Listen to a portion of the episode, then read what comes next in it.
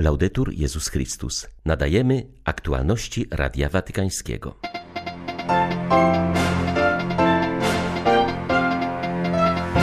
Członkowie kurii rzymskiej przygotowują się do indywidualnych rekolekcji wielkopostnych. Papież podarował im rozważania XVII-wiecznego cystersa.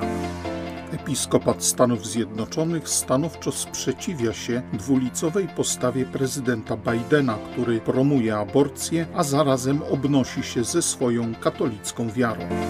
Jutro dzień pokuty i modlitwy za grzechy nadużyć. Prawdziwy przełom nastąpił już w 2001 roku. Kościół nadal się jednak uczy, jak zapewnić nieletnim pełne bezpieczeństwo, mówi Miriam Willens, holenderka, prawnik kanonista. 18 lutego witają Państwa ksiądz Krzysztof Ołdakowski i Łukasz Sośniak. Zapraszamy na serwis informacyjny. Członkowie kurii rzymskiej, którzy co roku uczestniczą wraz z papieżem w wielkopostnych rekolekcjach, otrzymali od Franciszka rozważania mistrza z klasztoru świętego Bartłomieja. Chodzi tu o dzieło anonimowego autora, którym był najprawdopodobniej XVII-wieczny cysters z klasztoru w Ferrarze. Książka nosi tytuł Weź sobie Pana do serca.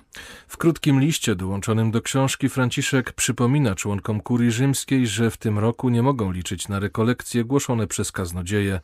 Aktualna sytuacja uniemożliwia gromadzenie się osób i dlatego nie będziemy mogli udać się razem do domu rekolekcyjnego.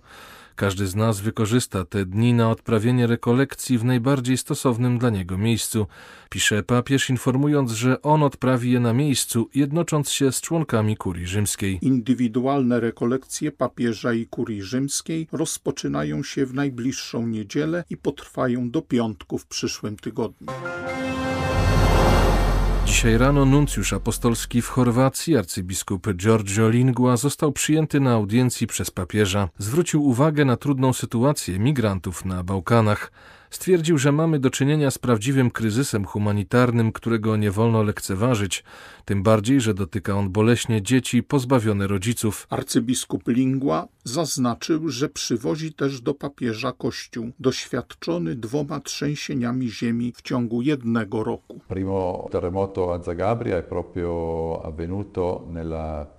Pierwsze trzęsienie ziemi w Zagrzebiu miało miejsce już w pierwszą niedzielę lockdownu, a to drugie w Pietrini nastąpiło podczas kolejnego, kiedy przyszła druga wielka fala. Do tych dwóch tragedii doszły jeszcze szkody spowodowane również pod względem ekonomicznym przez pandemię koronawirusa, która miała ogromny wpływ na główne źródło dochodów kraju, czyli turystykę. Przynoszę papieżowi naród dumny, przywiązany do swoich korzeni, a jednocześnie naród, który patrzy w przyszłość, który wierzy w Europę. Przynoszę dobrze zorganizowany kościół, który oczywiście ma, jak wszędzie, pewne problemy, ale jako całość jest kościołem żywym. Gdziekolwiek się udaje, spotykam ludzi, którzy ciepło wyrażają swoją sympatię do przedstawiciela papieża, a tym samym do samego Ojca Świętego. per il rappresentante del Papa e quindi per il Santo Padre. Joe Biden powinien przestać nazywać siebie pobożnym katolikiem i przyznać, że jego poglądy na aborcję są sprzeczne z nauczaniem Kościoła, uważa arcybiskup Joseph Nauman, odpowiedzialny w episkopacie USA za obronę życia. Zaznaczył, że prezydent USA nie ma prawa uzurpować sobie władzy biskupów i definiować, co to znaczy być katolikiem i jakie jest nauczanie moralne Kościoła. Ordynariusz Kansas City przyznał także, że prezydent Stanów Zjednoczonych powinien powstrzymać się od przystępowania do Komunii Świętej. Katolicy przystępując do komunii potwierdzają wiarę w nauczanie Kościoła. Prezydent Biden nie uznaje świętości życia i nie powinien stawiać księdza w sytuacji, w której musi on decydować, czy pozwolić mu na przyjęcie Eucharystii, czy też nie. Powinien to wiedzieć po 78 latach bycia katolikiem, powiedział arcybiskup Neumann.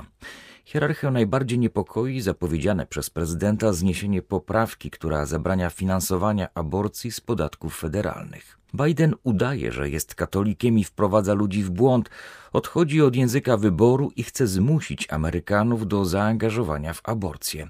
W tym wypadku użyć ich pieniędzy z podatków na coś, co uważają za niemoralne, to jest niedopuszczalne, powiedział arcybiskup Neumann. Arcybiskup Kansas City ma także wątpliwości co do tak zwanej ustawy o równości przeciw dyskryminacji Amerykanów LGBT. Obawiam się, że będzie ona zmuszać instytucje religijne do robienia rzeczy, które naruszają nasze sumienie i uniemożliwi nam udział w rządowych programach. Będę się tej ustawie stanowczo sprzeciwiał, zapewnił przedstawiciel episkopatu. 80% mieszkańców etiopskiego regionu Tigraj jest odciętych od pomocy humanitarnej. Tymczasem napływają też kolejne doniesienia o niszczeniu bezcennego dziedzictwa kulturowo-religijnego Etiopii. Stowarzyszenie Pomocy Chrześcijanom na Wschodzie informuje o zniszczeniu klasztoru w Debre Damos, który miał 1500 lat. Według lokalnych źródeł w czasie ataku zginął jeden z mnichów.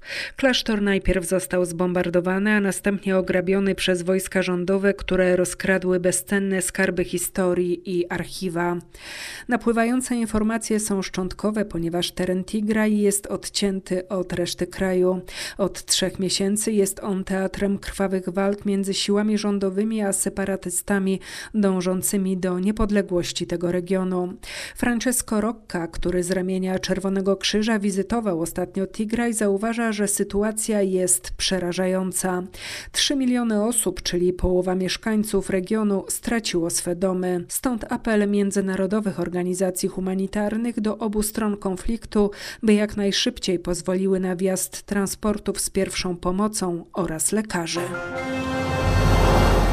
Nie można pomijać roli rodziny w procesie promocji równości kobiet i mężczyzn oraz jej udziału w życiu gospodarczym, powiedział ksiądz Janusz Urbańczyk, przedstawiciel Stolicy Apostolskiej przy OBWE. Watykański dyplomata przemawiał na wirtualnej sesji zamykającej pierwsze spotkanie przygotowawcze do 29. Forum Ekonomiczno-Środowiskowego. Zaznaczył, że rodzina jako podstawowa komórka społeczna jest fundamentem życia gospodarczego państw. Rodzina ma jednak wartość wyższą i stąd życie zawodowe zawsze powinno być jej podporządkowane. Przedstawiciel Stolicy Apostolskiej podkreślił także wartość nieodpłatnej pracy kobiet, która nie jest uznawana przez formalną ekonomię, ale przyczynia się do rozwoju gospodarczego każdego kraju. To praca, która polega na wychowywaniu i kształceniu dzieci oraz opiece nad osobami starszymi. Ziemia Święta wciąż pozostaje niedostępna dla pielgrzymów w związku z ograniczeniami sanitarnymi. Franciszkanie próbują jednak przynajmniej wirtualnie udostępnić najważniejsze miejsca samej Jerozolimy związane tradycyjnie z męką i śmiercią Chrystusa. W Wielkim Poście chętnie odwiedzana była tradycyjna Via Dolorosa, którą teraz będzie można przejść i rozważyć wirtualnie podążając krok po kroku tą samą drogą, którą dwa tysiące lat temu przebył Jezus, niosąc krzyż na swoich ramionach od miejsca, w którym został ubiczowany, do miejsca ukrzyżowania, piszą Franciszkanie. Pomimo wątpliwości archeologicznych co do właściwego miejsca położenia owej drogi, Tradycyjna Via Dolorosa od wieków cieszy się niezliczoną liczbą pielgrzymów, chcących duchowo towarzyszyć Jezusowi w drodze na Golgotę, która obecnie mieści się w murach Bazyliki Grobu Pańskiego. Każdej stacji Drogi Krzyżowej będzie poświęcony krótki film zawierający obrazy świętego miasta związane z epizodami opisanymi w Ewangeliach.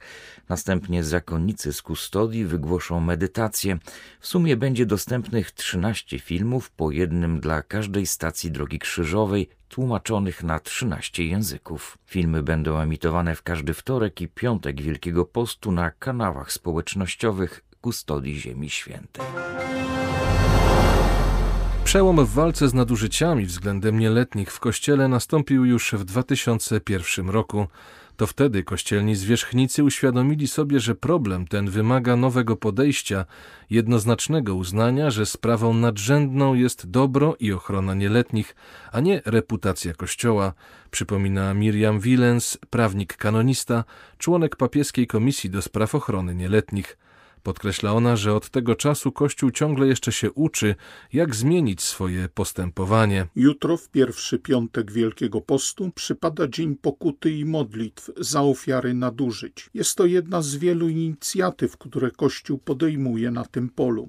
Zdaniem Miriam Willens ważne znaczenie ma innymi przygotowanie spowiedników, aby potrafili w odpowiedni sposób reagować na zgłaszane im przypadki nadużyć. Sakrament pojednania ma ogromne znaczenie dla życia duchowego. Penitenci muszą być pewni, że wyznane przez nich grzechy nie zostaną ujawnione osobom trzecim, ale ważne jest również, by nieletni wykorzystywani seksualnie otrzymali potrzebną pomoc i by zapobieżono dalszemu wykorzystywaniu. Ze względu na bezpieczeństwo nieletnich niektóre kraje wprowadziły obowiązek zgłaszania przypadków wykorzystywania bez uszanowania tajemnicy spowiedzi. Kościół, podobnie jak państwo, przykłada dużą wagę do bezpieczeństwa dzieci, ale jednocześnie nalega na poszanowanie tajemnicy spowiedzi, której świętość musi być zawsze chroniona. Nasuwają się jednak pewne pytania, na przykład kiedy rozmowa między księdzem a penitentem jest spowiedzią, a nie tylko na przykład sprawą kierownictwa duchowego, czy grzechy popełnione przez osobę trzecią, ale zgłoszone przez kogoś innego są objęte tajemnicą spowiedzi.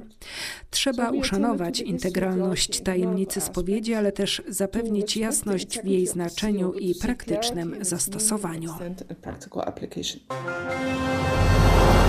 Nowa unijna dyrektywa wytrąca z ręki ludziom walczącym z pedofilią w sieci wszelkie narzędzia pomagające w zbieraniu materiałów dotyczących tych przestępstw. Chodzi o kodeks europejski do spraw komunikacji elektronicznej, którego nadrzędnym celem jest ochrona prywatności. W praktyce uczynił on nielegalnymi narzędzia, które do tej pory były stosowane, by monitorować ukryty świat nadużyć seksualnych online. Nowy kodeks wszedł w życie 21 grudnia, tylko w ciągu pierwszych trzech tygodni tygodni jego obowiązywania odnotowano 46% spadek sygnalizowania nowych przypadków materiałów pedopornograficznych i epizodów polowania na dzieci w internecie.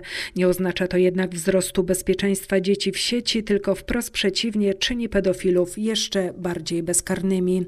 Tylko w krajach Unii Europejskiej w ciągu dekady liczba sygnalizowanych przestępstw wzrosła z 23 tysięcy do ponad 725 tysięcy tysięcy. Było to możliwe dzięki wykorzystywaniu elektronicznych narzędzi pozwalających na identyfikację zdjęć i filmów pedopornograficznych za pomocą specjalnych filtrów, które teraz są zakazane. Organizacje niosące pomoc dzieciom i walczące z pornografią dziecięcą domagały się w Parlamencie Europejskim wyjęcia z unijnej dyrektywy narzędzi pomagających w walce z pedofilią. Ich głos został jednak zignorowany. Komisja Konferencji Episkopatów Wspólnoty Europejskiej zaproponowała internetowe seminarium, aby wysłuchać historii tych, którzy migrują do Europy oraz zrozumieć pozycję tych, którzy ich przyjmują. Wśród prelegentów znalazł się ksiądz Manuel Barrios Prieto, sekretarz generalny Comese. My jako Kościół staramy się zmienić nieco narrację w związku z imigrantami. Ci ludzie, którzy przybywają do nas, jeśli są dobrze przyjmowani i dobrze integrowani, są dla naszych narodów zyskiem, a nie ciężarem. Musimy przede wszystkim podjąć wysiłek, aby zmienić ten mylny punkt widzenia. Papież mówi nam, że nie jest to tylko kwestia przyjęcia, ale także niezbędnej wiedzy, jak zintegrować tych ludzi w naszych społeczeństwach, więc nie ma potrzeby być naiwnym lub powierzchownym. Są to zbyt złożone problemy. Jako Kościół obecny w Europie podnosimy nasz głos na rzecz osób najbardziej bezbronnych, naciskając na instytucje, aby zrobiły to, co do nich należy. Były to aktualności Radia Watykańskiego. Laudetur Jezus Chrystus.